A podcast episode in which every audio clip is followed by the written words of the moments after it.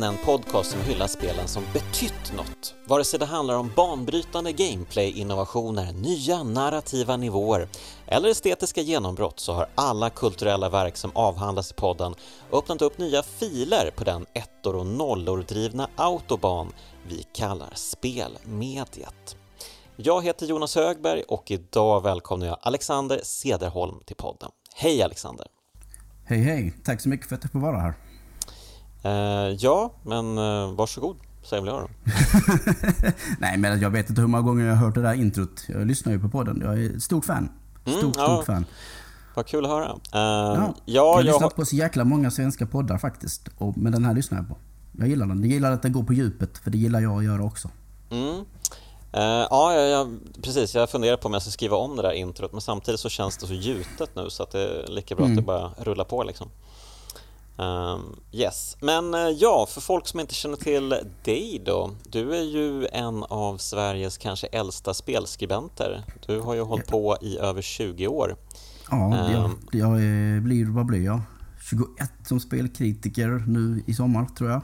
Mm. Uh, så det har varit ett tag. Jag är den där lilla, sån här lite, lite hemligheten som inte alla känner till. I synnerhet inte de som har hållit på du vet, i bara 5-10 år.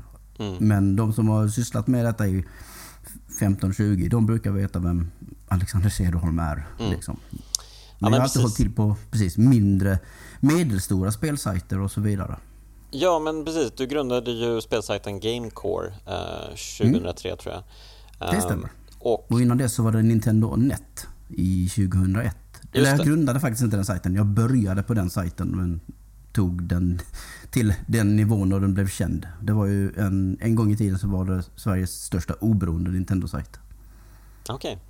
Uh, eh, ja, those were the days. Men du, men du uh, apropå det, hur skiljer det sig liksom att skriva om spel 2022 eh, gentemot oh. ja, men typ 2022, eller 2002? Uh, alltså på 20 år här, vad är det som har hänt? Vad är det som förändrats? Men det har blivit mer raffinerat. Det vi skulle, jag skulle kalla, kanske en gång i tiden kalla pretentiöst eller något liknande tycker jag är mer standard idag. Jag tycker att det är jäkligt intressant att speldiskurs inte bara är om du vet grafik, ljud, kontroll och så vidare. Utan vi pratar om, liksom, man kan implementera andra ämnen och röda trådar och sådana här saker. Jag tycker det var väldigt intressant. Det är ju såklart en utveckling inom mig själv också. Genom att ha följt industrin och sen varit intresserad av lite speldesign och sådana här grejer. Men det är min väg och jag har ju som sagt skrivit väldigt länge och har ändrat min stil också väldigt mycket genom åren. Men har väl fastnat vid den, den som har varit de senaste tio åren kanske. Väldigt bekväm med det. Mm. Ja, men jag var inne och kikade på din eh, nuvarande spelsida Player One och eh, mm. där kan man ju läsa på lite om dig och eh, du har ju en väldigt bra spelsmak måste jag säga. Oh, tackar, den, tackar. Den, ehm, ja, den ungefär som min egen faktiskt. Mm, jag har fått det intrycket också när jag så här, precis ser vad du skriver för inlägg eller vad du har lagt upp på din YouTube-kanal och så vidare. Du, mm. Jag är också ett stort fan av Disco Elysium till exempel. Mm. Som jag vet att du också gillade. Ja, visst. Och så delar vi ju veckans spel såklart också. Ja men precis, det är ju därför du är här. Vi ska prata om Outer mm -mm. Wilds. Ska och, vi. Eh, varför vill du prata om Outer Wilds? Ska jag dra varför det är ett kraftspel direkt? Nej, men eh, du kan väl berätta, berätta om eh, första gången du spelade spelet, alltså utan att spoila spelet då kanske, men, din upplevelse med spelet. Min upplevelse med spelet var ju, jag, jag, för det första var det ett spel jag aldrig hade talat om. Det kom som sagt i maj 19. Mm. Uh, och jag hade ingen aning om vad det var för någonting. Jag bara läste uh, några texter på nätet, tror jag, bland annat på Waypoint och så vidare. Alltså, de skrev på ett sånt förtrollande vis att jag bara, vad är detta? Vad är detta? Jag måste se det. Jag fick väl något litet spoil, alltså någon värld spoilad för mig bara. För, men ibland behövs det för att jag ska liksom, oh nu jäklar. Nu, nu, nu klickar det igång på alla cylindrarna liksom. Och så, ja, skaffade jag det på min Xbox och så körde jag. Och ja, det blev väl en 30 timmars spelande liksom. Det var en väldigt intensiv eh, spelsession för mig. Eh, mm. Den månaden eller någonting sånt. Och ja. Så, ja, det är det som är grejen. Gå in så blind som möjligt. Eh, det är väl en stor varning innan vi går in i, på djupet i det här programmet antar jag. Mm. Ja, precis. Jag spelade ju första gången förra året då, eh, efter mm. att jag, jag tror jag hade pratat med Tommy Rydling som också var ett stort fan av det här mm. spelet. Um, och uh, blev väldigt nyfiken då. Um, och det är ju verkligen ett spel som man blir liksom helt uh, mesmerized av. Man blir verkligen helt insugen. Um, och det är ju ett spel som uh, Kraftspelen är ju en podd där vi spoilar ganska friskt. Det är ju verkligen mm. no holds barred här som gäller. Jag struntar ju fullständigt i spelhandlingar och sånt, men det är någonting annat med, med uh, spelupplevelser uh, när de gärna liksom ska upplevas för första gången utan att man har någonting med sig. Det här är mm. verkligen en sån spelupplevelse. Um, så därför tycker jag vi har lite annorlunda grej idag. Um, vi kan ju börja med att prata om Outer Wilds totalt spoilerfritt. Och eh, så kan vi helt enkelt säga till lyssnaren att om du inte har spelat Outer Wilds, om du vill spela Outer Wilds, då bör du stanna här och ja, kanske fortsätta det här poddavsnittet när du väl har spelat spelet. Det är högsta ehm. rekommendationen. För, men sagt, gå in så blind som möjligt. Det är bara till godo för dig själv. Eh, du kommer mm. se sådana otroliga kreativa världar som, som jag aldrig själv hade sett. Jag har spelat spel i 40 år nästan. liksom, jag är så begeistrad av det här spelets kreativitet. Men eh, ska vi börja med den här spoilerfria introduktionen då till mm. Outer Wilds. Um, vad är det för typ av spel? Vad är det för typ av spel? Det är ett äventyrsspel i sin grund. Det är ett utforskande äventyrsspel. Eh, det är konfliktlöst i princip. Du kan absolut dö om du klantar dig och så vidare. Men det finns inga riktiga fiender. Det är inget pang-pang. Utan det är väldigt soft och chill. Uh, sen vet jag inte som sagt hur mycket som räknas som en spoiler. För själva huvudmekaniken är ju är på sätt och vis också jäkligt cool att upptäcka för sig själv. Uh, mm. Så att jag vet inte, vill du att jag ska nämna den? Uh, va, alltså, Klockspelet i sig. Vad sa du? Klockspelet? Ja, jag kallar såna här typer av spel klockspelsspel. Jaha, ja, ja, ja. Jag förstår. Um, ja, men alltså det här måste man väl ändå känna till att det är ett uh, måndag hela veckan-spel. Um. Ja, precis. Det är ett tidsloop-spel. Mm. Precis. Och uh, det är ju en av de stora skälen till varför jag verkligen tycker om det här. För jag tycker om de koncepten. Jag tycker om det i film, jag tycker om det i spel. Mm. Uh, så att för mig är det ju, det bara checkar i en box som funkar för mig. Och i synnerhet när det är överlag så här ganska chill som detta spelet är. Det kan mm. absolut ha sina stressiga stunder men oftast inte. Oftast är, tillåter det att utforska i din egen takt. Ja, jag vet att vissa människor har väldigt svårt för det här när man känner stress eh, på det här mm. sättet. Mm. Att uh, Man får ju bara 22 minuter på sig um, mm. och om man liksom har tagit sig um, till en ganska svåråtkomlig plats och känner det där oh my god, jag, nu har jag spelat kanske 20 minuter, det är snart slut här. Ja. Så, så kommer den där pressen givetvis. Men, uh, jag har ju absolut varit i sådana situationer. När jag liksom så här, jag har en minut på mig kvar. Jag har äntligen klarat den här, eh, liksom, den här utmaningen som jag har kämpat med ett bra tag. Mm. Och sen så hinner man inte utforska det. Man mm. får inte sin belöning utan man måste oftast göra det en gång till bara för att mm. tiden gick ut tyvärr. Mm. Ja, jag vet eh, precis. Eh, och jag, jag kanske inte är lika förtjust i klockspel då, som du kallar dem.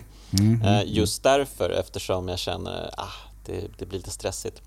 Men det mm. finns ju någonting här i Outer Wild som, som hela tiden motverkar den stressen och det är ju hela spelupplägget, det är ju hela spelvärlden um, och det är liksom hela historien på sitt sätt. Och öppenheten liksom en väldigt stor värld du får lov att, eller ett universum, ett miniuniversum som du får lov att utforska fritt. Mm. Liksom från början. Det finns nästan inga begränsningar. Nej, det är det som är så coolt. Uh, man kan ju faktiskt, alltså det, det är ju ett spel som uh, det går att så här, tekniskt sett varva spelet, ja. Mm. Um, och du skulle kunna göra det direkt om du bara vet vad du ska göra i spelet. Och det är ju det som älskar, han... ja, jag älskar när spel gör så. Ja men, ja, precis, det är ju det som hela spelet handlar om. Um, det, det, handlar om information. Uh, det handlar om att lära sig ett universum, en spelvärld. Um, och och dess ganska unika regler. Så, det, här var lite, det här var lite misstanken jag hade att du skulle gilla det här spelet. Eller tvärtom, inte det här. Jag visste att du gillade detta spelet. Mm. Det var mm. därför jag misstänkte att du skulle gilla Tunic. Ja, jag har spelat lite Tunic också. Jag har faktiskt inte varvat det. Um, Nej, okay. Uh, Men det har gemensamma nämnare när det kommer till just det här med att uh, kunskap som man samlar på sig för att liksom, kunskap skapar progression. Mm. Inte föremål och utrustning. Utan det är din Absolut. kunskap om världen som gör så att du kommer vidare. Absolut, och eh, de delar ju en sak i det att eh, det finns ju liksom, ehm, förutom eh, de här liksom rent ganska uppenbarliga ehm, du lär dig av det du gör i spelet ehm, Tunic så finns det ju också väldigt fina liksom, manualsidor man hittar i spelet som då är skrivna på ett helt annat språk men där man ser bilder och alltså vissa grejer är skrivna på engelska och så kan man liksom lista ut vissa liksom tekniker i spelet utifrån de här sidorna. Och det är ju lite samma sak i Outer Wilds för man läser ju mycket information i det här spelet. Det gör man. Um, ja, nej men vi, vi, kanske ska börja med att berätta bara om de första den första spelsessionen i spelet kanske vi kan spoila. Så långt kanske vi kan gå. på när man är på Timber Hearth? Ja, men precis. Ja, men eh, berätta, vad är det som händer så fort du startar spelet? Du vaknar vid en lägereld. Du kan ja, välja att äta en marshmallow om du känner för det. Sen så är det bara att ta dig, alltså den här byn som man vaknar upp eller är i. Um, det är i grund och botten en tutorial-yta. Den lär dig i princip alla mekaniker som du behöver veta för att kunna spela det här spelet. Hur du styr ditt rymdskepp, fast i, med en liten leksaksversion av det istället till exempel. Hur du använder din jetpack, hur dark matter fungerar och så vidare. och så vidare. Det som i alla fall är känt inom detta universumet om det här. För att du kommer ju som sagt utforska och lära känna, veta mera om saker. Men de spelmekaniska bitarna förklarar liksom Timber Hearths by för dig. Och sen så ska man då springa upp till vad det, observatoriet.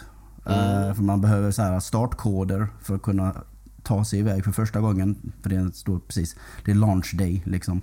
Mm. Ja, du, du är ju en astronaut och det här är din första, mm, du är precis nyutexaminerad så att du, det här är ju liksom din första dag uh, på jobbet. Jag tror det heter Outer Wild Ventures. Ja, precis. Ja, um, och de är väldigt fina de här uh, varelserna. Uh, de, de, har ju liksom fyra par, eller fyra par, de har två par ögon, fyra ögon och uh, stora öron. De, de, ser lite så här Oddworld-inspirerade ut. Ja, Kanske lite Jar Jar Binks också. Um, ja, lite, lite åt det, det stuket. Um, och, och blå. Och blå. Typ. Och mm. eh, väldigt eh, fredliga och eh, lugna och fina eh, varelser. Um, som är väldigt människolika um, och man, man, man pratar ju med dem lite grann. Man kan ju gå runt och prata med folk här i byn. Och som har liksom tagit fram rymd, rymdteknik eller alltså, tekniken att resa i rymden på ett jäkligt så här uh, outback rinky dink vis känns det som. Ja men precis, med, det känns väldigt skrot, skrotnisse. Ja skrotnisseaktigt. Ja, visst, det är ett bra sätt att beskriva det. Ja, eh, precis. Eh, så att, eh, ja, de, de, man får ju veta lite grann om, om läget, att, att solsystemet väntar på en. Att mm. Eh, det finns äventyr to be had. Ehm, men man måste ju då först upp till observatoriet och hämta de här launch codes och så ska man ju även bege sig till, det finns ju ett museum här också Mm. Som är väldigt viktigt. Det är väl observa det är observatoriet. Ja, det kanske är det samma är, sak. Det är samma ställe. Mm. Så att man kommer in i museet då för man, och sen kan man gå omkring där och får man veta ännu mer om, då är det lite mer så här kunskap om universumet och det de har hittat och tagit tillbaka. Och man får lite så här föranspelningar på saker som komma skall.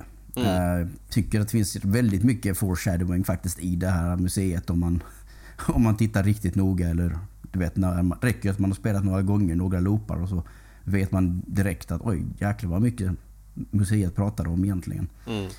Eh, men när man är nöjd med den uh, lilla rundturen så går man upp till, jag tror det är Feldspar och så hämtar man koderna helt enkelt. Och glad i hågen så sticker man ner igen och ska ta sig därifrån. Men då passerar man, eller man försöker passera en en staty av en Nomai. En Nomai är någon typ av så här forerunner-ras som fanns i det här universumet innan Harthians, tror jag de heter. Mm. Och den statyn vrider sig helt plötsligt och tittar rakt på dig, öppnar ögonen och spärrar sig i dem, eller spärrar, spärrar dem i dig ordentligt. Mm. Och så lyser de. Och så får man helt plötsligt får man se det man har gjort hittills i spelet. Jag tror det är det man gör. Precis, man får ju en sån här flashback. Eh, Mm. Allt Man får det flashback du, sen man vaknade. precis fram till sovsäcken där när man sitter och tittar upp på himlen. Ehm, Mm. Och sen så, ja, så slocknar ju ögonen och eh, man tänker det där var skumt. Det där var skumt. Och man kan prata med andra om att det där var skumt. Men de bara, vad pratar du om? Ja, jag vet inte. Det hände. Jag är ganska säker på att det hände. Och, eh, och sen så ska man dra vidare ner till skeppet. Ja, och eh, det tar kanske ett litet tag att bekanta sig med kontrollerna. Det är ju inte jätte, jättelätt kanske att eh, styra den här rymdraketen. Det är inte så jäkla lätt att, att styra sig själv heller. Det, det, är liksom, det är ingen så här omedelbar hopp heller. Utan det, när du trycker på A så är det liksom nästan som att du duckar och sen skuttar. Det tar ett tag att lära sig att kombinera hoppet med sina, sin raketpack och så vidare. Ja, alltså på, på ett sätt så är det ju liksom eh, det är ju mer ehm, realistiskt i så fall att man håller ner knappen och så liksom trycker man ner benen och sen när man släpper knappen så, ja, så kör man hoppet. Man Det- tar sats. Man tar sats helt enkelt. Man lär sig. Det, det, första gången nu när jag satte med det igen så var det så här, oh, oh, aha, okej, alright, just det, så här var det. Jag kommer inte ihåg det, men jag kände ju igen det omedelbart. Mm. Och ja, jag kom ju in i styrandet av rymdskeppet mycket snabbare den här gången. Men det satt ju lite löst fortfarande. För det är extremt speciell kontroll i det här spelet. Mm. Ja, precis. Eh, Det tar ganska lång tid att verkligen få, få grepp om allting. Eh, m- Men, Men det är eh, bra att de har den här panelen som visar var raketerna skjuter. Liksom. Drar du åt höger så liksom får du en thrust åt högerriktning så att du går åt vänster. Och det är så man måste tänka hela tiden. Mm. Men vi, vi, kan ju, vi kan ju bara stanna snabbt vid själva rymdraketen och dess interiör för att den är ju fantastiskt charmig. Det är ju, det är ju här man kommer spendera huvudsaken av eh, sin tid med spelet. Man kommer ju befinna sig i den här rymdraketen väldigt, väldigt mycket. Väldigt, väldigt mycket. Ja. Och eh, det är ju en fantastiskt mysig plats. Vi prat, jag sa ju lite skrotnisse-vibbar, absolut. Eh, det, man får liksom intrycket att det är Ja men att det är liksom en, en Don Rosa-serie nästan, att det är liksom sådana extrema detaljer överallt, att man kan gå runt och Ja, titta på massa ja. saker och, och eh, det finns massvis med spakar, man ser sig en rymddräkt man kan plocka på sig här, den är ju viktig såklart för har man Det inte är rym- väldigt viktigt att plocka på sig. har man inte rymddräkten på sig sen när man är ute i rymden, ja då blir det svårt när man väl öppnar luckan och tar sig ut. Då blir det svårt att andas. Ehm, och så finns det ju då en datorterminal också som ju ska visa sig vara väldigt viktig. Ehm, så att eh, ja, man, man skjuter iväg och man, man kanske har fått lite indikationer om att det kan vara ganska bra att kanske ta sikte på månen först eh, här. Mm. Attle Ehm, Rock. Attle Rock. Ehm, så att ja, man kanske styr kosan dit men alltså det är klart, man behöver ju inte, man kan ju åka vart Nej, man man vill. kan styra kosan var man vill. Men ja, jag, jag styrde kosan till Attle Rock, gjorde jag. Ja, men precis. Träffa, jag kommer inte ihåg vem man träffar där. Vad heter han? Den lilla han cowboyn som ja, gisslan. precis. Jag vet inte heller riktigt. eh, Alltså namnen. Det är ju fem andra astronauter som finns här ute i eh, Mm. det här solsystemet. De finns på varsin planet här ute som Mm. man kan träffa på. Ehm, De har jag koll på faktiskt. Men han glömde jag bort. Ja, nej men eh, han är väl gullig och... eh, och eh, Och sitter och nynnar på titellåten. Ja, det är jättefint. Eh, Alla har ju liksom ett eget eh, instrument som de håller på och eh, flippar med. Och grejen är ju att man har ju någon sorts radiopryl som man kan rikta vart som helst i, i liksom rymden. Eh, Och så får man ju då, beroende på vilken frekvens man har då, så kan man hitta alla de här astronautkompisarna överallt i solsystemet. Jättefint. Uh, jättefin detalj och eh, det ska ju visa sig vara viktigt i vissa, vissa fall också. Eh, det ska det bli. Men man, man, man, hinner inte så himla långt för att man har ju ändå hållit på en del nere på Timberhearth. Man har ju mm. liksom undersökt Lära sig kontrollerna första gången och så Ja, vidare. precis. Så att, uh, frågan är om man ens kommer till Attle Rock eller inte. För det är ju 22 minuter man har på sig. Um, mm. Sen händer det. Sen exploderar solen. Men innan dess så kommer det en otroligt ikonisk, tycker jag, och ödesmättad slinga. Ja, alltså, musik, är, alltså den musiken är otrolig. Det bara kryper i mig varje gång jag hör den melodin. Mm. Och du vet, första gången så var jag inte ute i på en öppen rymd kan man säga. Jag var inomhus någonstans. Så jag hörde den här musiken och bara tänkte, vad är det som händer? Mm. Varför börjar musiken spela? Varför låter det som om saker inte... inga bra saker kommer att hända med sån här musik? Uh, ja, alltså det är ju väldigt ödesmättad musik men den är också väldigt vacker. Det är ju en det. väldigt uh, speciell slinga. Uh, och ja, det är möjligt, jag, jag förstår ju inte heller vad den indikerade, för det här är ju ett spel som, där det är väldigt lite musik.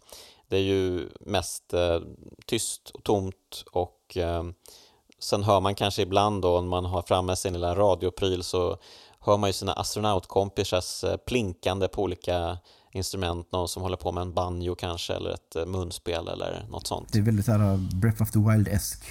Väldigt ekonomiskt med hur den använder musik och ljud överhuvudtaget. Ja, men när, det, när, när det kommer in i bilden så görs det med väldigt stor effekt de få gånger det görs. Ja, precis. Och eh, det är ju liksom dels den här huvudtemat då som alla astronauterna håller på och eh, fnular mm. på hela tiden. Så, jag, hade det, jag hade det faktiskt som en, eh, som en ritual. Mm. Varje gång som jag startade spelet så lyssnade jag på den där loopen en gång när jag tittade på den där mysiga startskärmen. Jaha. Jag kunde bara, jag, bara, jag vet inte, jag bara tycker att den är en ruskigt mysig låt mm. uh, som jag bara ville ha, ha höra innan jag började spela.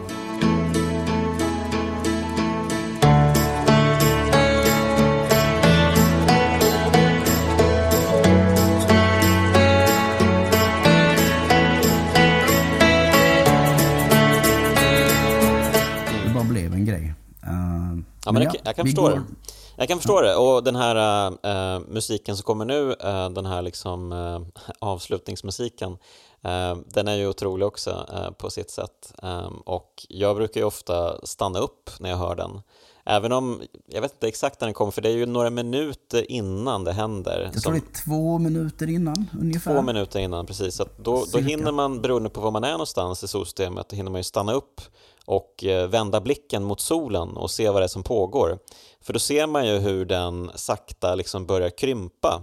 För den har ju varit en stor röd jätte och nu så krymper den ihop och sen så exploderar den.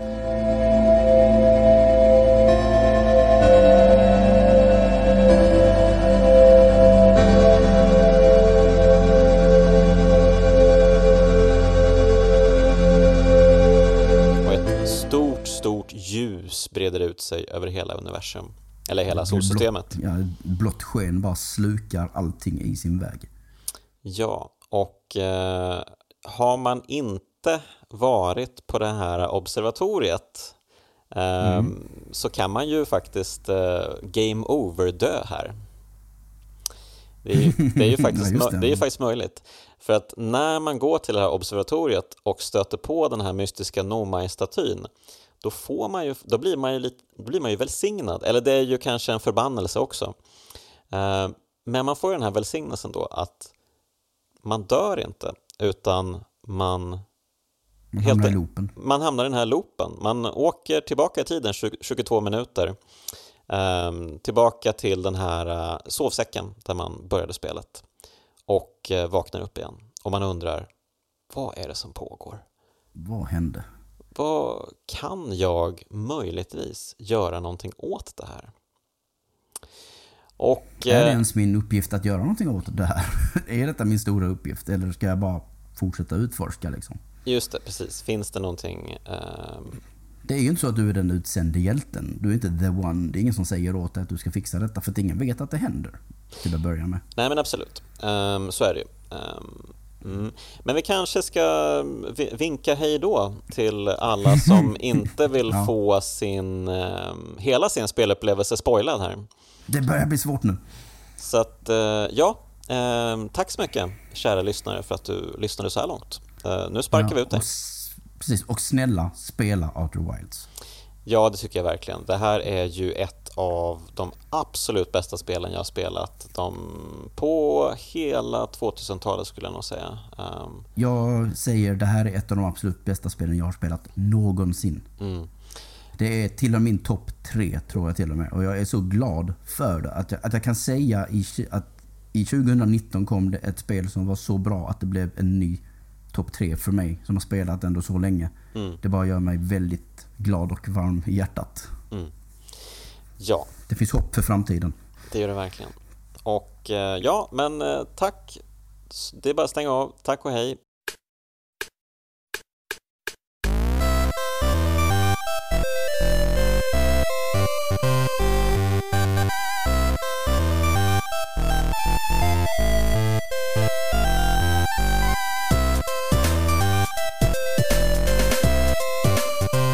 Och eh, nu kan vi andra då fortsätta prata, eller ja, du och jag kommer fortsätta prata. Ja. Ni andra kan fortsätta lyssna. Uh, ni som inte bryr er om att spela. Ni som lever vilt. Ni som lever vilt, uh, ni som har spelat, välkomna. Nu fortsätter vi prata.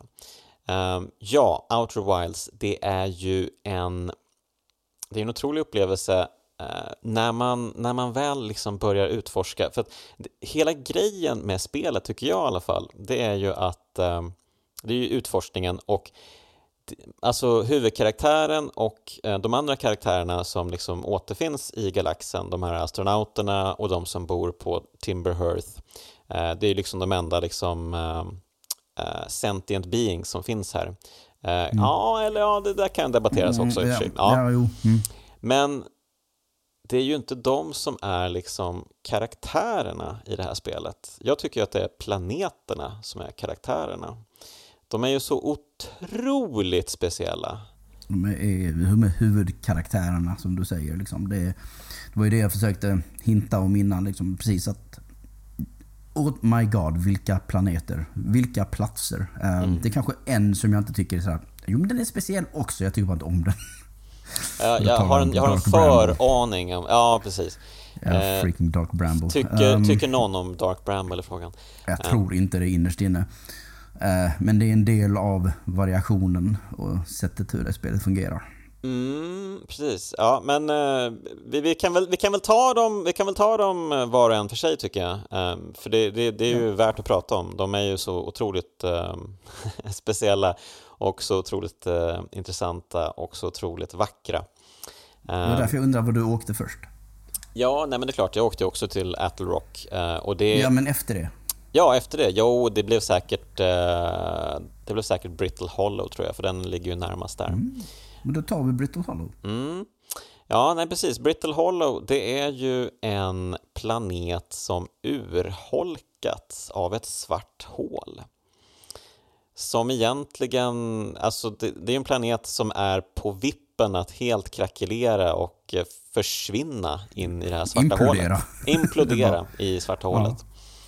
Um, så att i planetens kärna, där man vanligtvis kanske skulle hitta en magmakärna, så finns det alltså ett svart hål som håller på att sluka allting. Um, och man ser ju liksom när man anländer mot den här planeten så ser man ju redan där uh, hålet, för att det är ju liksom stora delar av ytan som redan har slukats.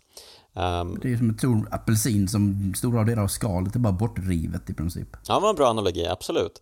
Eh, så man kan ju liksom, om man har lite otur så kan man ju styra rakt in i det svarta hålet med rymdfarkosten bara, whoops! Oj, ja då, då ska man styra precisionsstarkt, men okej, okay, absolut, det går. Ja, det, går.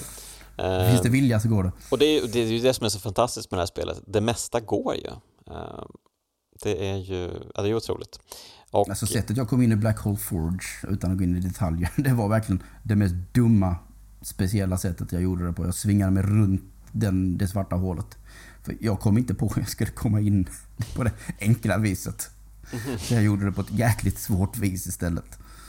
Ja, nej men... Uh, Nej, men det finns ju många moments to be had i det här spelet. Och, Ehm, och där Brittle Hollow har faktiskt the moment för mig. Ah, Okej, vad det- spännande. Berätta. Det absolut bästa pusslet. Mm. Jag blev så, alltså jag var mind blown när det hände. När jag insåg vad jag skulle göra och, och, och att det funkade. Då, eh, då bara wow, vilket spel. Eh, jo, det är hur man kommer in i Tower of Quantum Knowledge. Eh, Vi ska kanske säga då att alla de här planeterna, det finns ju liksom eh, rester från den här civilisationen, den här, Ja, eh, vad heter de, Naomi? Eh, Nomai. Nomai. Eh, Det är Nomai. Precis, så det finns ju rester av deras eh, civilisation på eh, alla de här planeterna och eh, de har ju haft en ganska stor bas här i Brittle Hollow. Ja, en hel stad. Mm, en hel En stad. Precis. Eh, och ja, och så har du ju dessutom den här, du har ju en, en översättare som läser deras språk. Och det är ju så. Det är också ett sätt som det här spelet förmedlar, ett otroligt unikt vis. Att det liksom, ja men det här är verkligen ett, ut, eller ett ut, utomjordiskt språk. Mm. Man, man läser det liksom i förgreningar. Det är ett väldigt unikt sätt att läsa. För man läser det i princip, en förgrening är en person som pratar.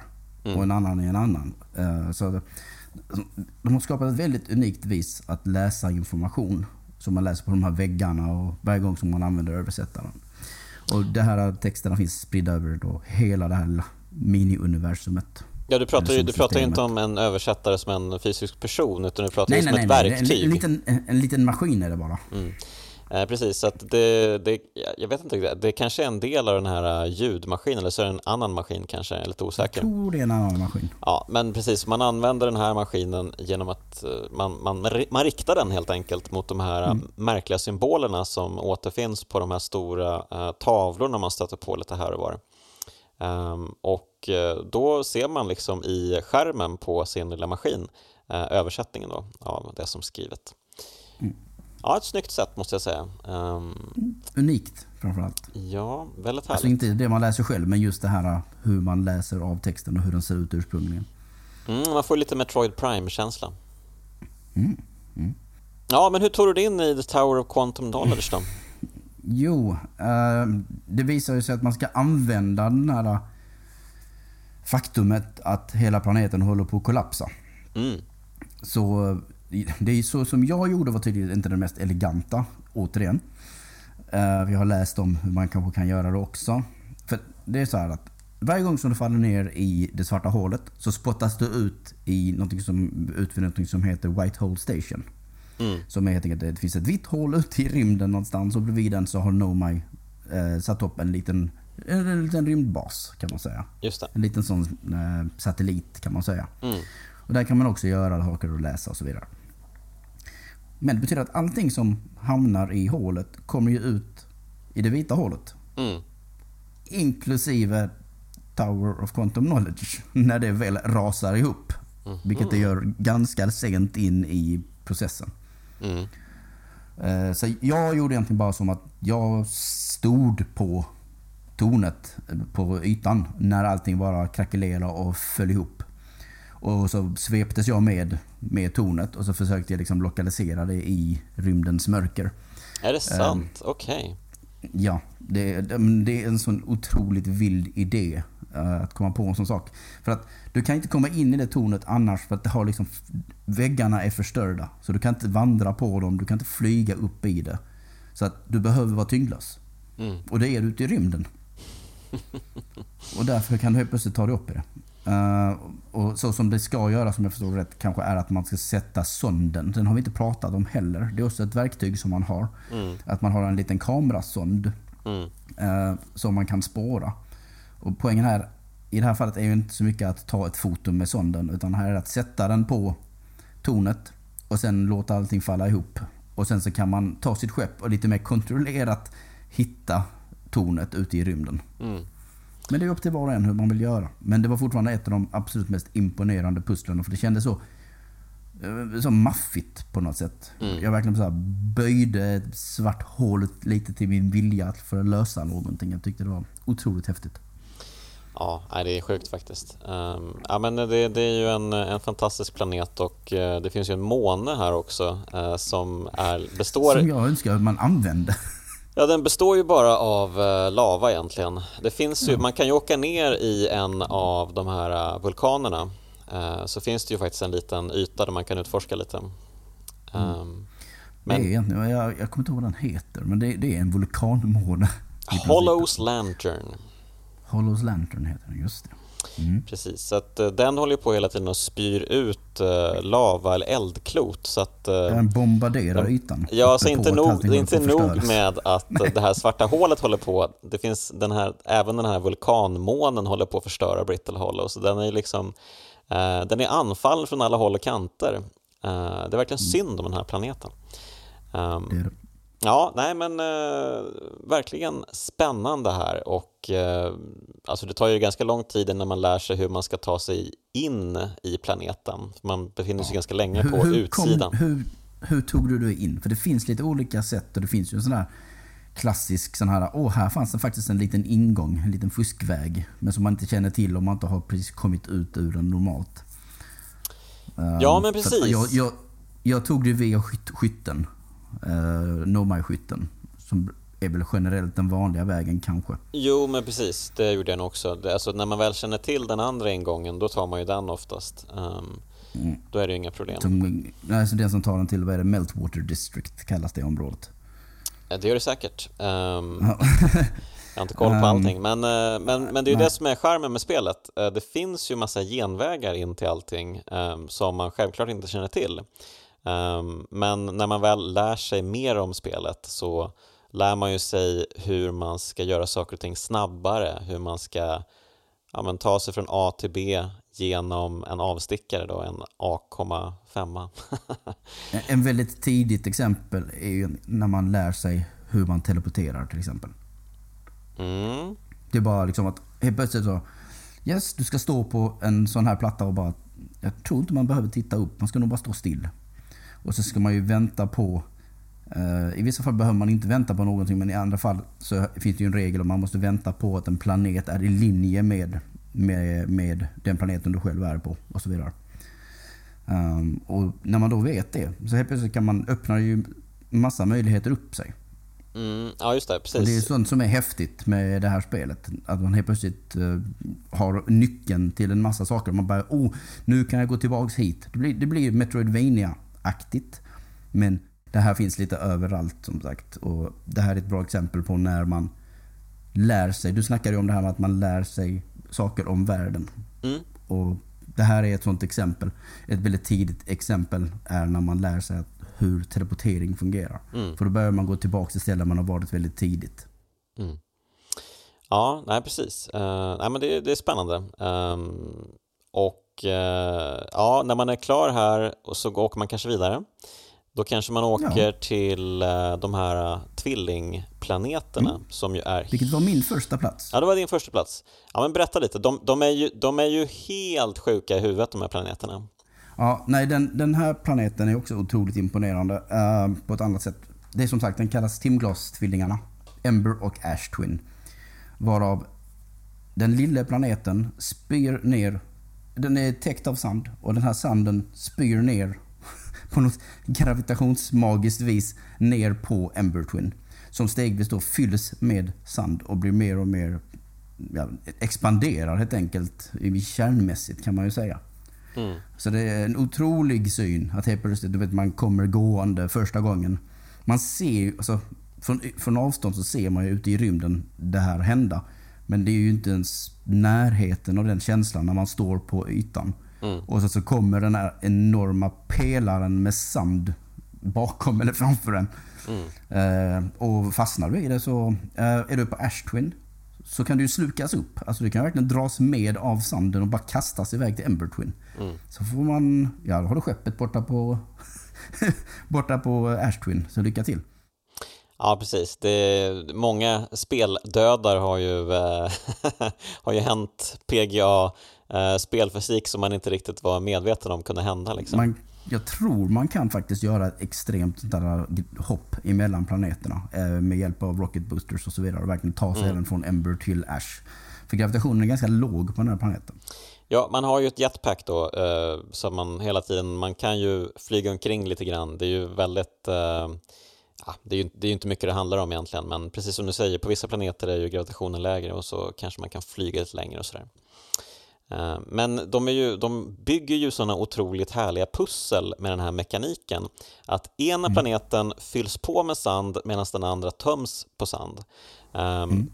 Så, vilket betyder att man måste skynda sig. Från det att man vaknar upp från so i sovsäcken så ska man kasta sig in i rymdraketen och bara flyga som en galning iväg till planeten som blir påfylld, vilket är Jaha, alltså du menar Ember Twin? Ja, det är Ember Twin som blir påfylld, precis. Ja, precis. Ja, förlåt. Ja, då ska man ju, då uh, susar man ja, ju dit. Nej, det här var ju också, det här är ju ett av de här stressmomenten som jag talar om. Mm. Det här är ju, att ta sig till Sunless City till exempel, är ju en väldigt påfrestande grej att göra när man är ganska ny på spelet. För, man, för att om man ska upptäcka de största hemligheterna i den underjordiska staden så måste man skynda sig. För att det fylls med sand snabbt. Jag tror inte man har, vad kan man ha, knappt fem minuter.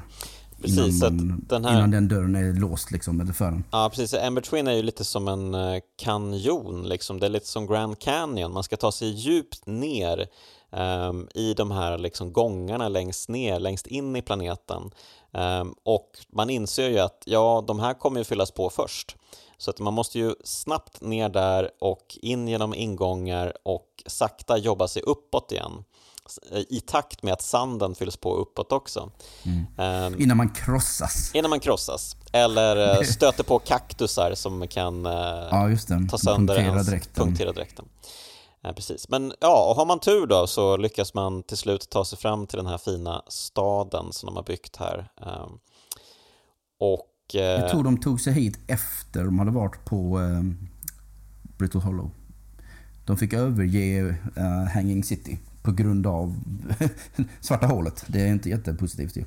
The No My. Så, ja precis, så de flydde dit har jag för mig.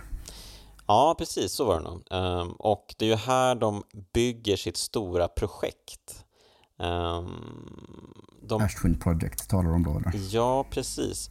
Mm. För, ja men uh, nu kanske är en bra tillfälle att uh, faktiskt tala, tala lite om The Nomai och uh, vad det är de gör här i det här solsystemet. Ja, vad För gör de? de är ju inte native här, utan de har ju kommit till det här solsystemet för flera hundratusen år tror jag det är. ja, sen. Om inte mer. Om inte mer. De har kommit hit för att de har fått en signal, de har stött på en signal som finns här i det här solsystemet. För av okänt ursprung. Av okänt ursprung. Så att det, det, finns någonting väldigt speciellt här och de är lockade att eh, upptäcka den här saken. Um, så att de har kommit hit uh, och när de kom hit så hände det en massa sjuk skit direkt. Ja, man lär sig ju det här när man eh, läser allting som de har lämnat efter sig. Så att... Vilken sjuka skit är det du syftar på i det här fallet? Ja, alltså nu ska vi se här. De blev väl uppkäkade av Dark Bramble till att börja med. Det blev de säkert. Ja, jo okej, okay. jo det är sant. Deras eh, skyttel, alltså The Vessel som vi kallar mm. den, blev ju precis attackerad på Dark Bramble. Ja, vi kan ju lite snabbt då gå in på vad Dark Bramble är för en typ av planet, för att det är ju också en helt jävla sjuk planet. Ja. Alltså det är ju... Ja, helt, ja, helt krackelerade den också. Ja men precis, det är ju... Det är liksom, jag tänker mig att det här är en planet som har vänts ut och in. Um, och att mm. sen att insidan... Det har hänt några sjuka interdimensionella saker här så att det är mycket större på insidan än vad det är på utsidan. Så när man flyger in genom ett av hålen in till insidan på Dark Bramble så blir det vidsträckta vyer som är liksom täckta med dimma och grejs.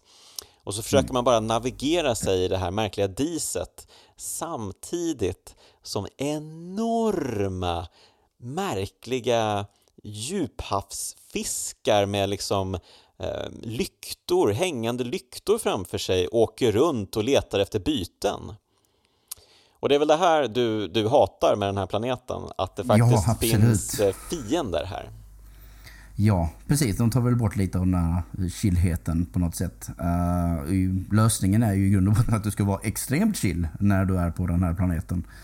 Uh, men det är väldigt frustrerande uh, som att eftersom att det här är en del av slutprocessen i spelet så, Mm.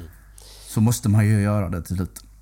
Ja, precis. Men man åker väl antagligen hit och utforskar lite innan. För, och det är ju inte så lätt att veta exakt hur man ska göra det här. För man, man, eh, man kan ju sikta in sig på olika kärnor när man väl tagit sig in i Dark Bramble.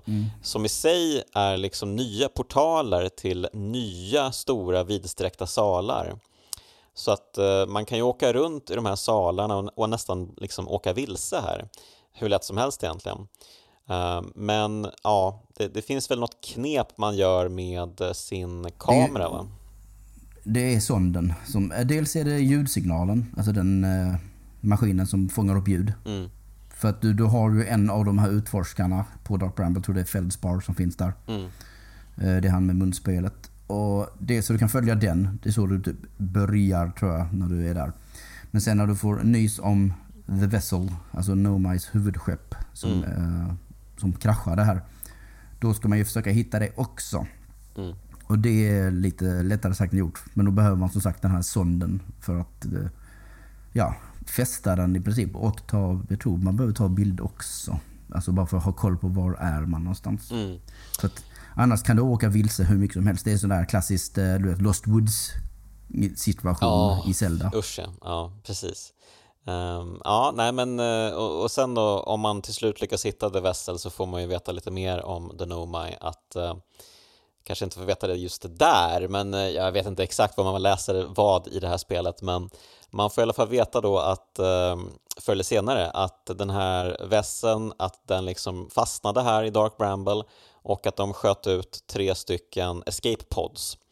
Ehm, och eh, en landade väl på Brittle Hollow och en landade väl på ehm, Ash Twin, Em, Ember. Ember Twin och eh, ja, var landade den tredje? Var det på var det på Timberhearth? Jag är lite osäker faktiskt. Jag tror den är, är den inte på Interloop, Interloop eh. Ja, ja kanske, kanske. Jag är lite, Det finns ett skepp där. jag är lite osäker Ja, på jag exakt lite- jag hur allt hänger ihop Ja. här, men de, de, de landar ju ett skepp där senare för att utforska The Interloper, tror jag. Mm. Ehm, Ja, ja, så var det kanske ja. Just det. Vad tusan är den andra? Man känner ju, det känns ju som att den borde vara på Giants Deep, men eh, jag är inte säker på det. Ja, nej precis. Men, men, ja, men det om eh, Dark Bramble då. Eh, där håller de på, eh, eller där var deras ursprung och nu så har de eh, koloniserat det här solsystemet då för hundratusentals år sedan med olika kolonier på de olika planeterna. Ehm, och de har ju då ett projekt. De ska försöka lokalisera den här signalen och eh, ja, men försöka ta sig dit. Eh, men det är ju lättare sagt än gjort. För... Det är lättare sagt än gjort. Ja, det kan man lugnt sagt säga. Eh, och de inser ju det själva. Det här är lättare sagt än gjort. Vi måste göra någon riktigt sjuk skit här. Vi måste, vi måste använda solens energi för att lyckas med det här. Ehm, För grejen är att den här signalen den finns någonstans ute i, alltså långt, långt utanför det här solsystemet men fortfarande, det är väl fortfarande en del av solsystemet. Ehm, Men det, Stundtals. Ja, men det, det är så fruktansvärt, eh, alltså det, man, man hittar den inte liksom.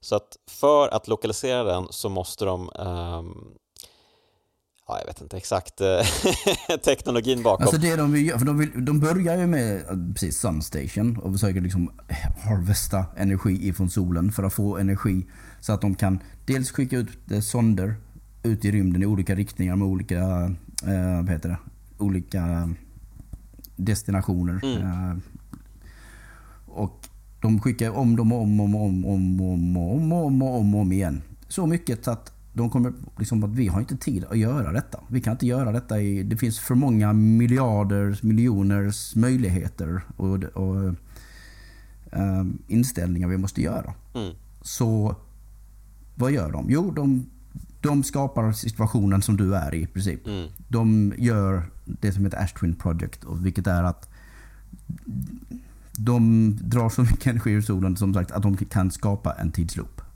De är de som skapar tidsloopen för att de ska ha möjligheten.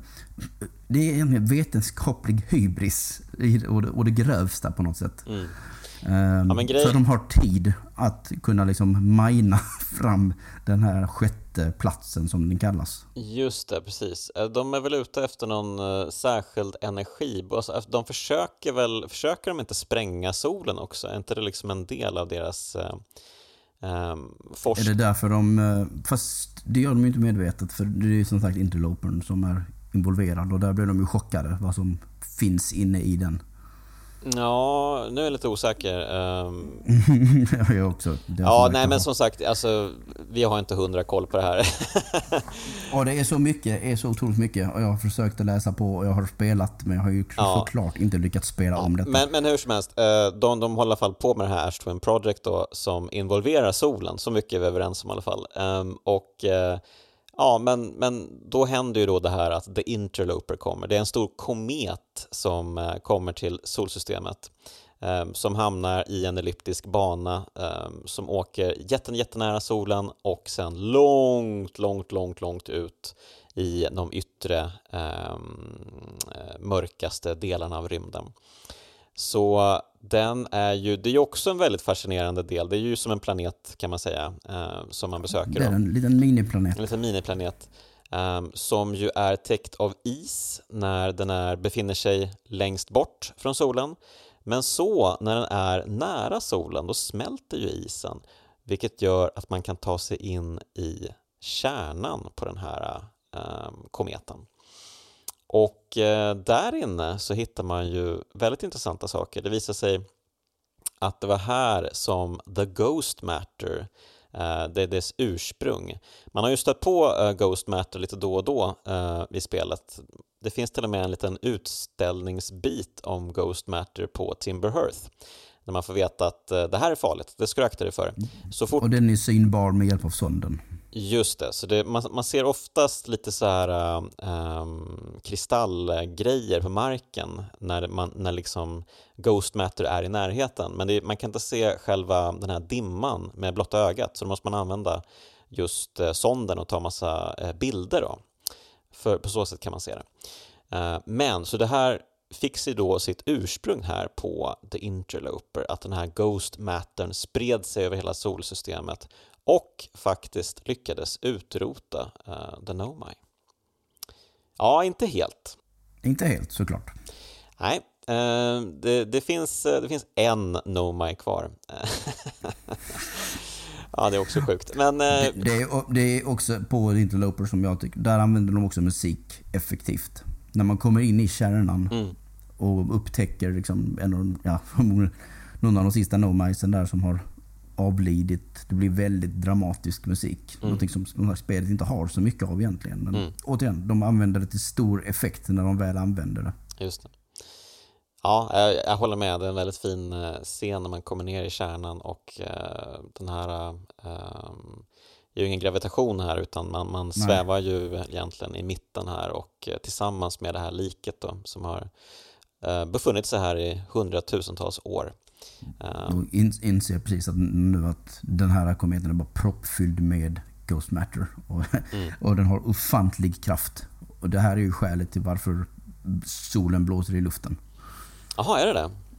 Jag tror det. Det är för mig att det är det som att det är när kometen åker in i solen i när de 22 minuterna är slut. Så är det, då Ah. smäller det.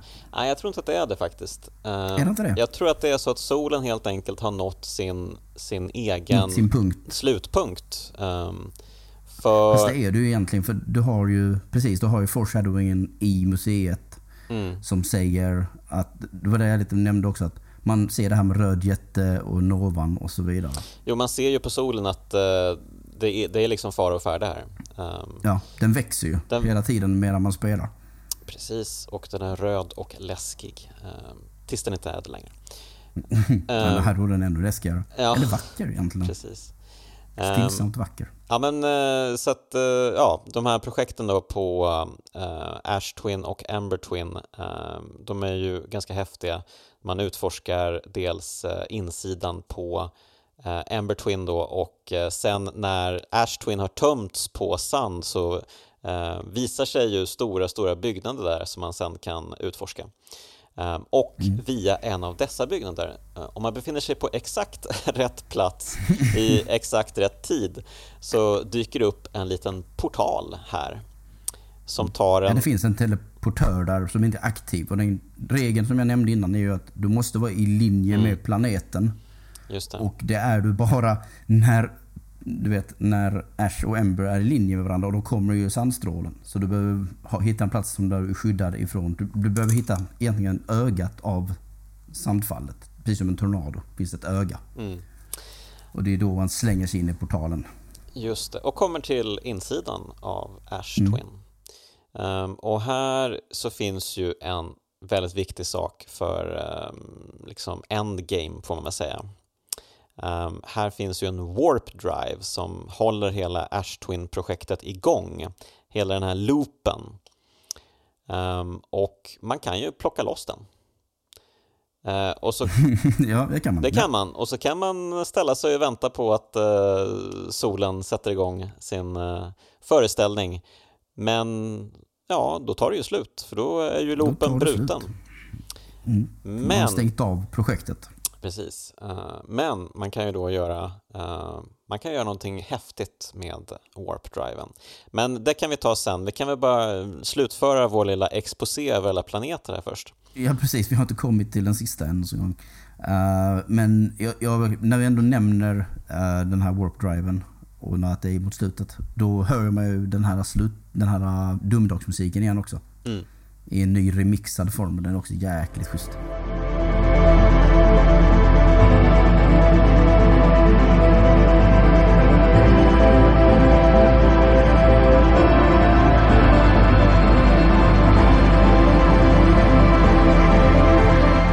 Lite mer, så här, lite mer techno eller elektronika-aktig version. Lite mer upptempo.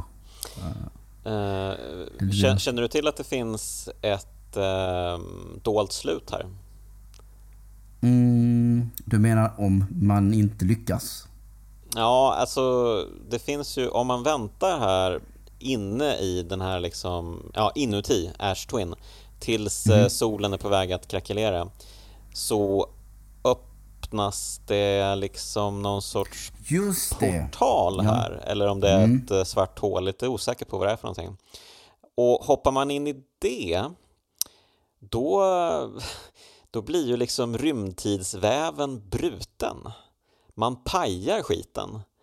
Um, och man vaknar upp som vanligt uh, i sin uh, sovsäck på Timber Hearth. Ja, så kanske man beger sig tillbaka dit för att se, ja men jag höll på med någon, någon grej där. Det var ju synd att jag blev avbruten av solens explosion, jag ska tillbaka och fixa. Uh, då stöter man på sig själv där. Mm, det finns det. två protagonister. det är jätteroligt. Eh, så då kan man ha ganska roliga konversationer med sig själv där ja, av eskalerande um, oro och absurditeter. precis. ja, jättekul. Men vi kan väl prata lite om eh, en av mina favoritplaneter, Giants Deep. Ja. ja, den är nog den coolaste av dem alla faktiskt. Ja, jag håller med. Ja, vad händer när man kommer dit? Alltså, när du, det är ju en stor gasplanet i princip, så du ser inte så mycket. Den är grön, alltså väldigt stor. Och sen när man då dyker igenom atmosfären så inser man att det är bara vatten här. Det är bara ett stort hav och det är tromber eller tornados överallt. Mm. Det är vad som är täckt av den här planeten. Det finns absolut lite land och öar. Men på det stora hela så är det bara en vattentäckt planet där det bara är stormar och cykloner precis överallt. Mm. Ja, det är. Otroligt mäktig syn. Igen, återigen, en otroligt mäktig syn. Ja, alltså det, och det är ju så sjukt att den här planetens kärna alltså är vatten. eh, precis som att eh, kärnan på Brittle Hollow är ett svart hål liksom. Eh, och att eh, ja, men Timber Hearth kanske faktiskt har en riktig magmakärna. Då. Det, det, det, det känns ju som ehm, typ som jorden liksom, i det här solsystemet. Men, men, men Giants Deep den består alltså av vatten, så man kan alltså dyka in i själva kärnan och försöka ta sig liksom allra längst in. Men det är ju jättesvårt för att det är sådana otroliga strömmar där som gör att mm. äh, man kan inte riktigt ta sig igenom där. det, det är också en del av pusslerna i det här spelet. Som man då precis lär sig hur saker fungerar. Precis. Um, det, är, ja, det är ju ett fantastiskt pussel tycker jag. När man lär sig vad man ska göra på Giants Deep, då är det ju verkligen mind blown. Man bara holy shit. Ja, nej men eh, det var ju superhäftigt. Jag vet inte vad man lär sig det. Det är ju som sagt, man läser det någonstans. Ehm. Jag tror det är i Dark Bramble som man får veta hur man kommer ner mm. under strömmen. Okay. Jag tror det är där. Eh, fast nej, oh, det är en kombination av det och sån information i något observatorie. Jag tror det är på Ember Twin. Mm. Där man får veta om eh, att tornadon har ett, alltså, mot, moturs riktning. Just att det. de fungerar annorlunda. Just det, precis. Så det finns något hologram som visar det. Precis, så att eh, nästan ja, alla de här eh, tornadosarna eh, de, de åker eh, mot, moturs då, eh, men så är det någon som åker mm. medurs. Och, Nej, jag tror det är tvärtom. Tvärtom kanske. Ja, men då ska man ja. ner i den som åker moturs då. Um, och helt enkelt dyka ner i den, ner under ytan och då så kommer man ner. Och då kan man ta sig till en plats som ju är ja, men spelets roligaste pusselplats skulle jag säga. Vilken är det du syftar på? Okej, okay, är det liksom själva manetbiten du talar om nu? Nej, jag, jag, pratar om när man kommer till eh, Quantum Tower här. Um... Det är inte där. Nej, det är inte där, okej. Okay. Nej, eh, för du pratar nu om när man ska ta sig ner till något skepp som finns inne i kärnan. Mm. Och när man kommit under vattenytan så ska man... Man har lärt sig, återigen, en sak som spelet lär dig. Eh, jag tror det, det är på Dark Bramble. Att man ska liksom inne i de här maneterna som finns på planeten eller under ytan så om man gömmer sig inne i deras kåpa, om man säger så, mm. kan man inte bli skadad medan deras eh, tentakler är skadliga. Mm. Och så följer man dem igenom ett elektroniskt fält som annars tar död på dig. Mm. Och sen så kommer man till ett eh, annat No ställe och så får man mer information. Det du talar om är den enorma tornadon som finns på Nordpolen på Giants Deep. Mm. Där man måste upp ur, genom atmosfären, tror jag, eller nästan i alla fall. Och sen dyka ner i, i, i ögat uppifrån. Okej, okay. Ja, var det så? Ja. Det, är så det är så man kommer till eh, Tower of Quantum Trials. Ja, men det är ju en superhäftig plats. Ehm, det, det, är det. det, är ju, det är ju här man lär sig om de, eh, om de fräcka reglerna. Eller det gör man ju på andra ställen också i och för sig. Ja, precis. Man lär sig en regel. Ja, och man lär sig, ja det är väl, är det fotografregeln man lär sig här? Ja, den som är quantum imaging. Att regeln är att se ett kvantumobjekt är detsamma som att se ett kvantumobjekt på bild. Ja, och vad är ett kvantumobjekt kan vi börja med? Det har vi faktiskt inte pratat om. Nej. nej. Vi, har inte, vi, har, vi har ju stött på dem under vår färd genom det här solsystemet. Och det, är en, eh, det finns stenar Uh, man har ju sett det redan i museet. Mm. Uh, det finns stenar som vandrar. Vandrande stenar tror jag de faktiskt kallar det från början. Mm. Uh, så att varje gång som du tittar på ett objekt och sen så vänder du dig och så tittar du dit igen, då är det borta. Eller rättare sagt, det har flyttat sig. Mm. Och frågan är vart har de här objekten vägen? Mm. Och en stor pussel, ett av de huvudsakliga pusslerna i det här spelet, är ju att man kommer fram till att bundet till den här sjätte platsen här, uh, vad heter det? Eye of the Universe eller vad det är för någonting. Mm. Är ju bundet till en måne. Mm. En vandrande måne som finns i solsystemet. För att månen är ett kvantumobjekt. Det är gjort av det materialet. Och det är därför den byter pl plats. Den liksom byter eh, omloppsbana hela tiden. Varje gång du vrider huvudet så är, det på, är den, cirklar den en ny planet i solsystemet. Precis, så att man, man stöter ju på den här månen eh, ja, men, ögonblickligen kanske när man börjar spelet. Man, man ser kanske, ja men där, var, där är det någonting. Jaha, okej, okay, jag får hålla det där i åtanke. Eller så kanske man tänker, ja jag ska åka till den här planeten. Men mm. så när man beger sig emot den här kontomånen, ja då bara, det går inte. Det går inte att ta sig den försvinner. dit. Och så fort du åker igenom typ gasen och tappar sikten, ja. eller atmosfären eller vad du kallar det, då försvinner den. Mm. Du, du, kan, du kan inte landa på den, det är omöjligt.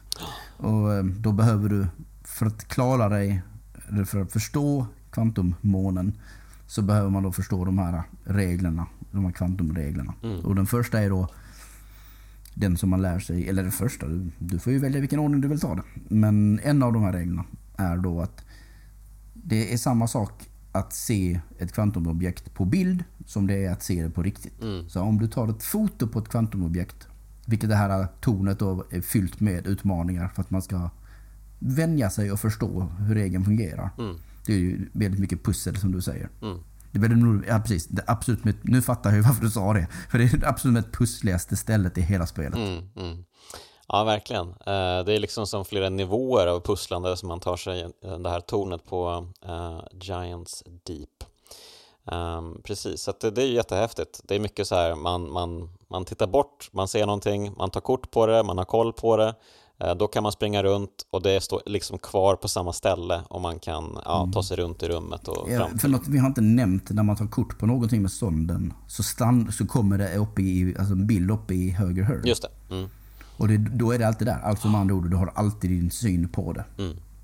Ja, det är bra. Och det här är liksom det kryphålet man använder för att lösa de här pusslen. Just det. Eh, ja, och, eh, men då kan du lika gärna berätta om de två andra reglerna. Mm. Den andra regeln hittar man, jag tror det är i Lakebed eh, på Ember Twin.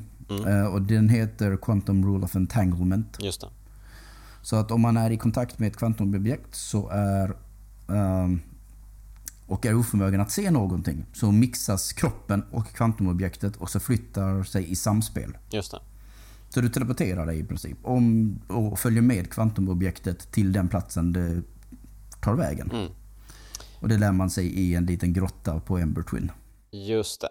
Och där kan man väl typ släcka ljuset på något sätt eller ja, jag minns inte Ja, ja, exakt. precis. Du har ju en lampa och det är mörkt i grottan. Så, så enkelt är det helt enkelt att du, du släcker din Ja, lampa. Just det, just det. Och inser att du flyttar på dig. Om du står på stenen så flyttar du på dig Mm. tillsammans med stenen.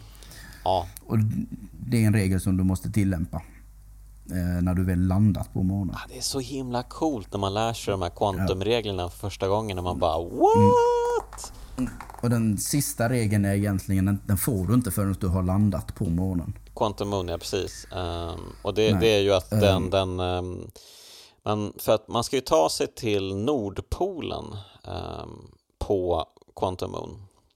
Mm, precis, för att nå den sjätte positionen, eller alltså platsen.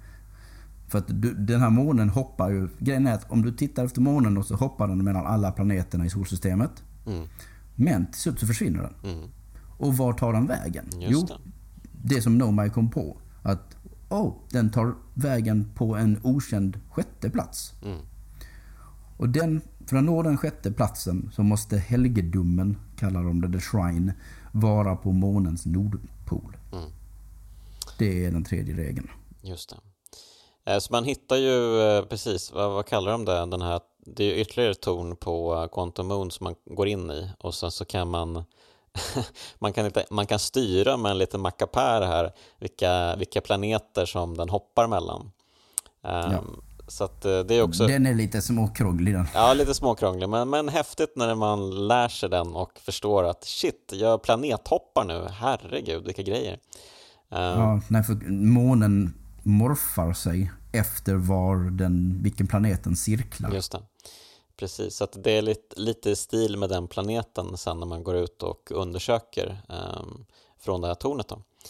Ehm, Mm. Så Giants Deep då till exempel är, jag tror det är en av de man ska använda sig först av för att där finns, det finns ju inga, det finns inga berg, det finns ingen mark på Giants Deep. Mm, Så därför är den här väggen, eh, eller ja, borta i, eh, på månen när man är, går ut ur Giants Deep-versionen av den. mm, Och då kan man hitta, hitta rätt position till slut. just det, och sen så till slut då så lyckas man ju ta sig till den sjätte positionen. Och här kan man ju då, om man går från Nordpolen till Sydpolen, så kan man ju alltså hitta den sista Nomayan. Mm? Det du hintade om innan. Precis, det finns en kvar som har befunnit sig på den här platsen i över hundratusentals år.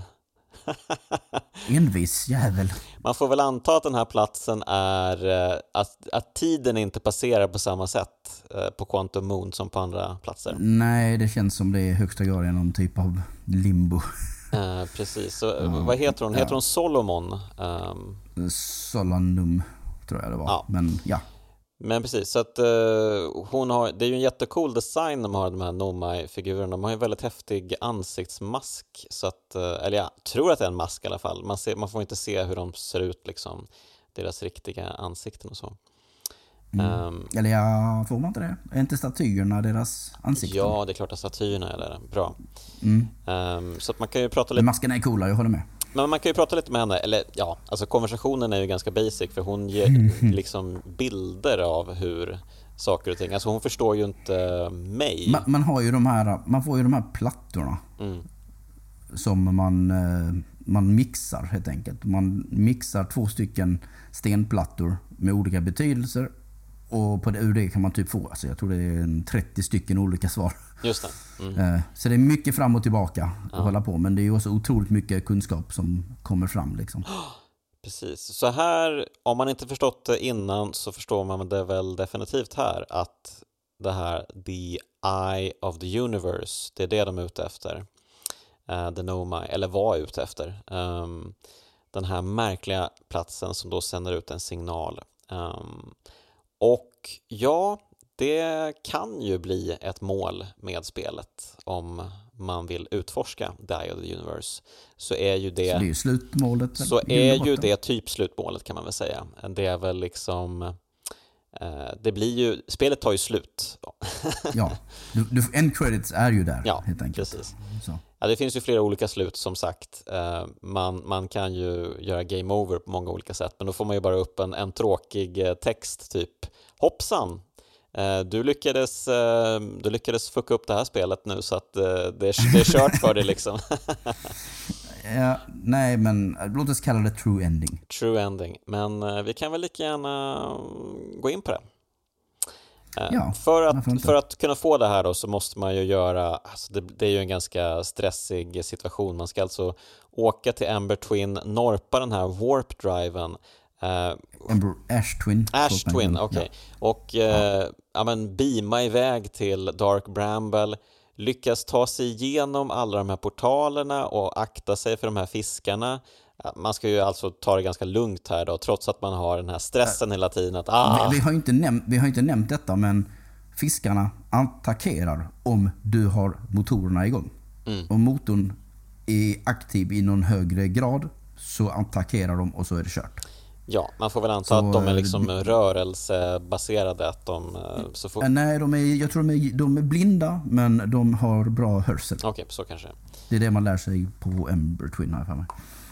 Ja, det är bra, du har stenkoll på det här spelet verkligen. Eh, Ja, alltså jag någorlunda. Du hör ju själv att det brister ibland. Ja, ja, men- det, det är så otroligt mycket att hålla reda på. Ja, det är ju men det. Men eh, det, det är en otroligt stressig situation och Mm. det är så jäkla elakt också att man inte kommer in i Ash Twin förrän, alltså jag tror det är 7-9 minuter in. just det. för att sanden måste gå undan. Ja, precis. Man, man kan ju ställa sig, om man ska göra det här, om man siktar på att varva spelet då, så får man ju, alltså man kan ju ställa sig vid lägerelden och så kan man ju bara Mm. stä- ställa sig och vila en stund så går ju tiden lite snabbare. Ehm, och sen så, Mm. Så, kan så man... kan man göra men det hjälper inte för att stressen kommer fortfarande vara där när du väl har nått den punkten. Ja, men absolut. Eh, det handlar ju bara om att få tiden att gå snabbare fram till den här sju minuters sträcket då, då man kan norpa warp-driven på eh, Ash Twin. För det är så, man har så bråttom men man måste krypa fram. Ja, Och det är så drygt. Nej, det är så sjukt elakt av dem. Hur kan Ja, de, hur kan de göra elakt. liksom um, the true ending? När man har haft en sån meditativ och eh, underbar upplevelse Mm. så ska man stressa som djävulen. Um, Fast man får inte stressa fast man samtidigt. får inte stressa, men man vill stressa. Det är så elakt och jag, jag, det är liksom, jag, det är ju... Alltså jag gillar inte den biten alls. Det är ju verkligen så att, Mm. fan, vilken, det är inte den bästa av eh, finaler. Eller låt oss säga finalen i det här spelet är faktiskt ganska spektakulär i sig. Men den sista gameplay-grejen här de kräver av dig Ja. är frustrerande milt sagt. Usch ja. ja, men uh, vill det sig väl då så lyckas man ju ta sig till The Vessel, uh, The Nomais Mm. uh, skepp som de tog sig till det här solsystemet med och uh, där kan man ju då placera warp-driven på uh, skeppets ställe då, där warp-driven ska vara. Mm. Och sen, alltså, sen så ska man ju... Så har du ju koordinaterna man... som du har plockat på dig. Det, det, det är vad du hittade i Giants Deep i, under havet. Ah, Okej, okej. Det, är- jag tror det är koordinaterna du får där. All right. Ja men då så. Uh, ja, det, det är Så ju, det är ju en klurig liksom, uh, man ska programmera in liksom de här koordinaterna på ett lite lustigt sätt med en ljuskula. Um, Mm, och precis. så kommer då en, uh, en teleportgrej, en warp-grej som man kan hoppa in i och ta sig till ett nytt rymdskepp. Och det finns ju en expansion till det här spelet som förklarar lite mer vad det här rymdskeppet är för någonting. Jag har inte spelat det, så att... Eh, Vill du få det vill spoilat? helst inte höra det. Nej, jag tror inte det. Jag tror jag är inne på att jag vill börja spela det nu, kanske efter att jag har gått in i det här igen. Liksom. Jag ska säga att jag inte heller spelat det, men jag har faktiskt läst på om just den här Ah, okej. biten. Så att, eh, Eh, Men det kanske inte är så viktigt. eh, nej, det är inte så viktigt. Det, vi Nej, behöver inte jag brukar inte vara så rädd för, Vi inte jag brukar inte vara så rädd för spoilers inte. annars. Ja, okej. Eh, men Vad du än tror är bäst radio. Ja, men man, man hamnar ju på rymdskeppet och via rymdskeppet så kan man ta sig ner på planeten nedan som då är the eye of the universe. Och det är ju här som alla kvantumobjekt kommer ifrån. Det är en jävligt obehaglig plats. Mm. Lite halvt. Det är, ju li- det är lite som månen som sagt, men den är mer kal och stormig känns den. Det är så lila och svart. Det, det känns lite ödesmättat. Mm. Ja, och eh, ja, till slut då så lyckas man ju ta sig in i ett, eh, ja men det är väl ett svart hål i mitten som man hoppar ner i. Ja, det är en stor krater man hittar ju till slut. Mm. Och så hoppar man ner i den. Och sen blir det weird. Sen blir det weird. Sen blir det, det blir typ ehm, ja, men slutet på 2001 kan man väl säga nästan. Nej, inte riktigt så kanske. Men, Ja, men alltså man Men- landar ju i en skog till slut. Och, fast det är på ett jäkligt snyggt sätt de introducerar det. Med alla stjärnorna. mm, absolut. Typ att nästan så här varje gren är en, är en stjärna. Och så när man närmar sig så inser man att allting är en stor skog. Just det. It's very, it's very pretty. Och innan skogen, då hamnar man- väl på ett sorts, då hamnar man väl på en typ av museumet på Timberhearth. Eh, Just det, det händer också där för Just Man precis. går tillbaks dit, ja, upp till observatoriet. Och just, sen så går man in i kartan som är i mitten och då slussas man iväg tror jag. just det, till de här stjärnorna som sen blir träden.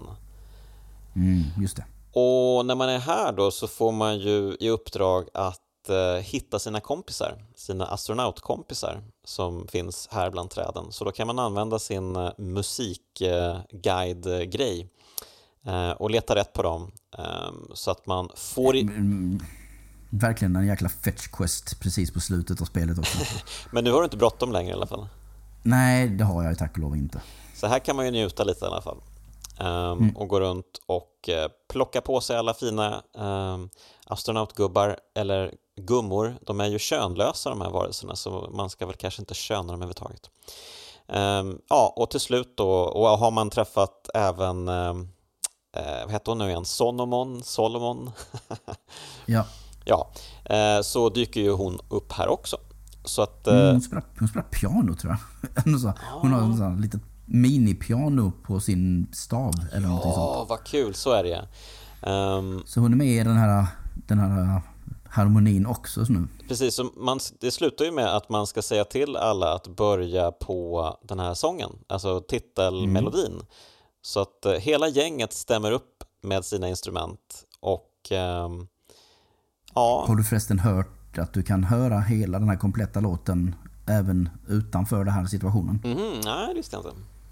Om du linar upp alla planeterna och tar fram ljudgrejen och alla planeterna är i linje, Oj! då hör du alla i kör. Men du, var gör man det någonstans? Eh, Jag tror det är på Attle Rock kanske. Det är som att den har ju den här grejen som kan peka dig i rätt riktning. Okej. Så du, må- det, det finns ju någonstans helt enkelt då omloppsbanan helt enkelt matchar. Så allting går i linje. Och då kan man höra allihopa i samspel. Okej. Cool detalj. Ja, det var häftigt. Det är så- Ja, det är sån jäkla sjuk jäkla fysik. Eller det, det, alltså beräkningarna i det här spelet.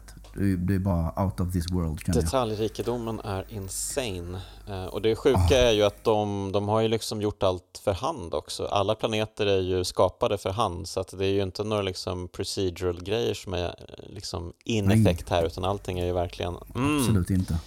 ja, det är underbart. Ja, jag tänkte bara droppa den lite, lite så diskret där. Ja, men vad fint hörru. Och så tar spelet slut. ja, efter att universum imploderar.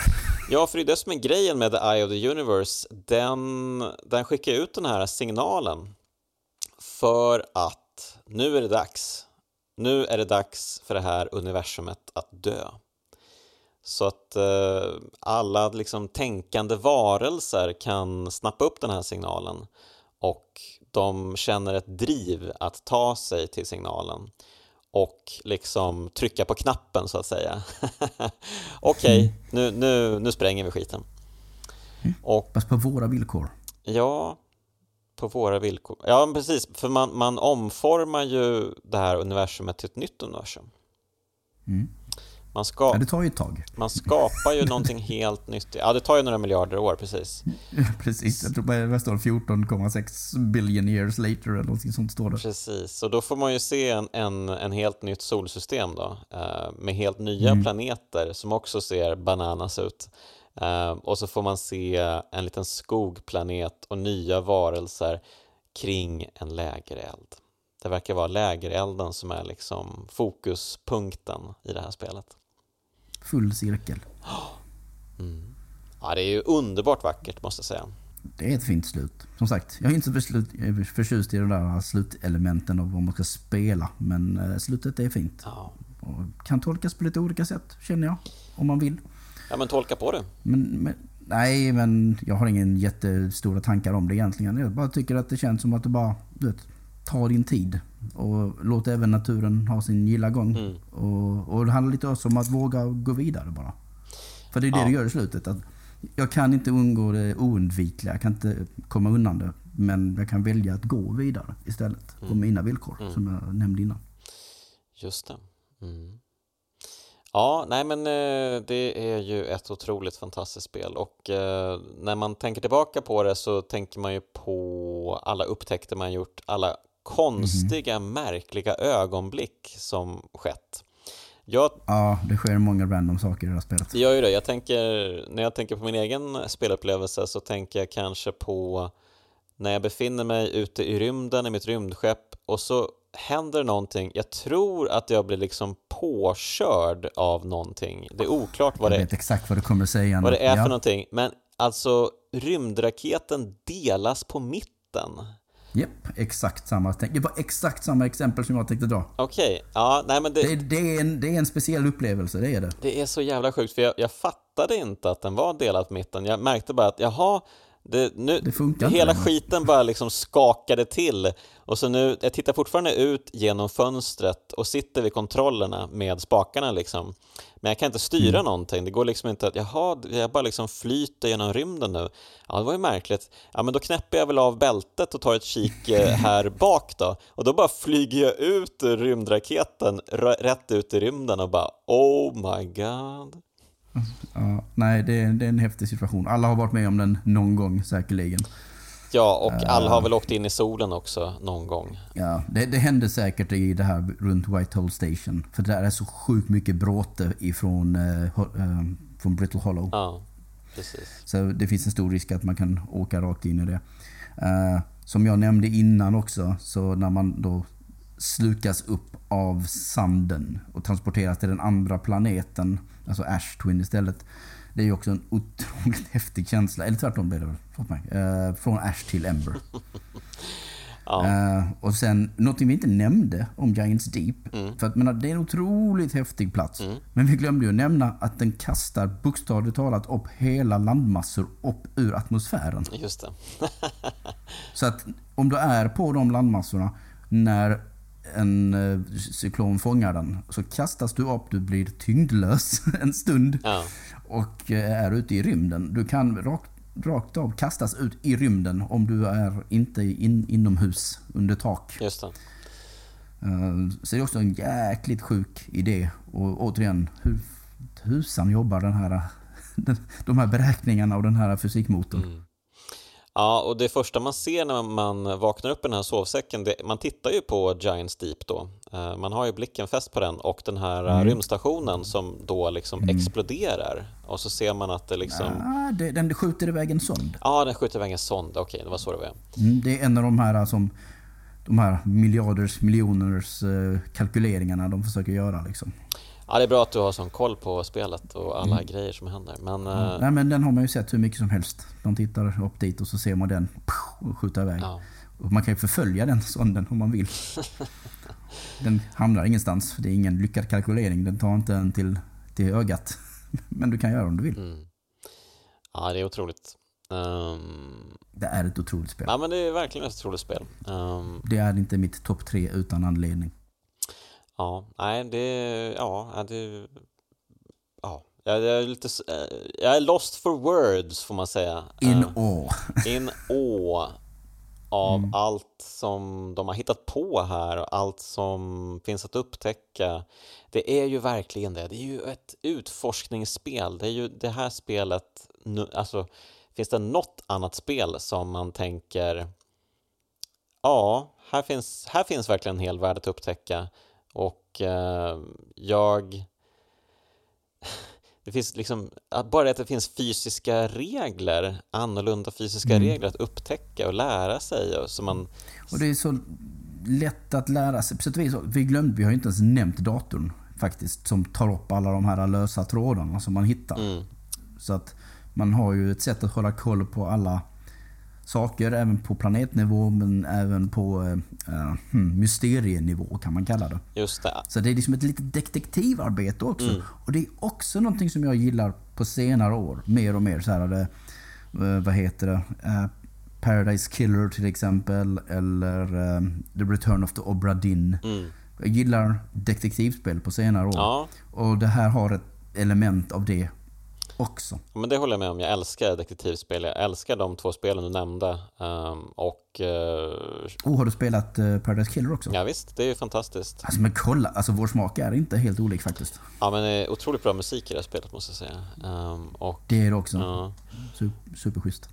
Ja, men bra tips att skicka iväg. Ifall man gillar Outer Wild så gillar man antagligen de här spelen också. Ja, precis. Det var faktiskt mitt favoritspel från 2021.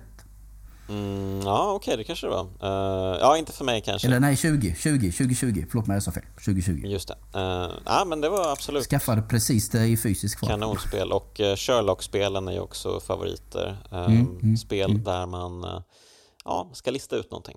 Det är väldigt, väldigt härligt. Um, ja, är otroligt. Om du ska försöka sammanfatta då. vad är det som mm. gör Outer Wilds till kraftspel?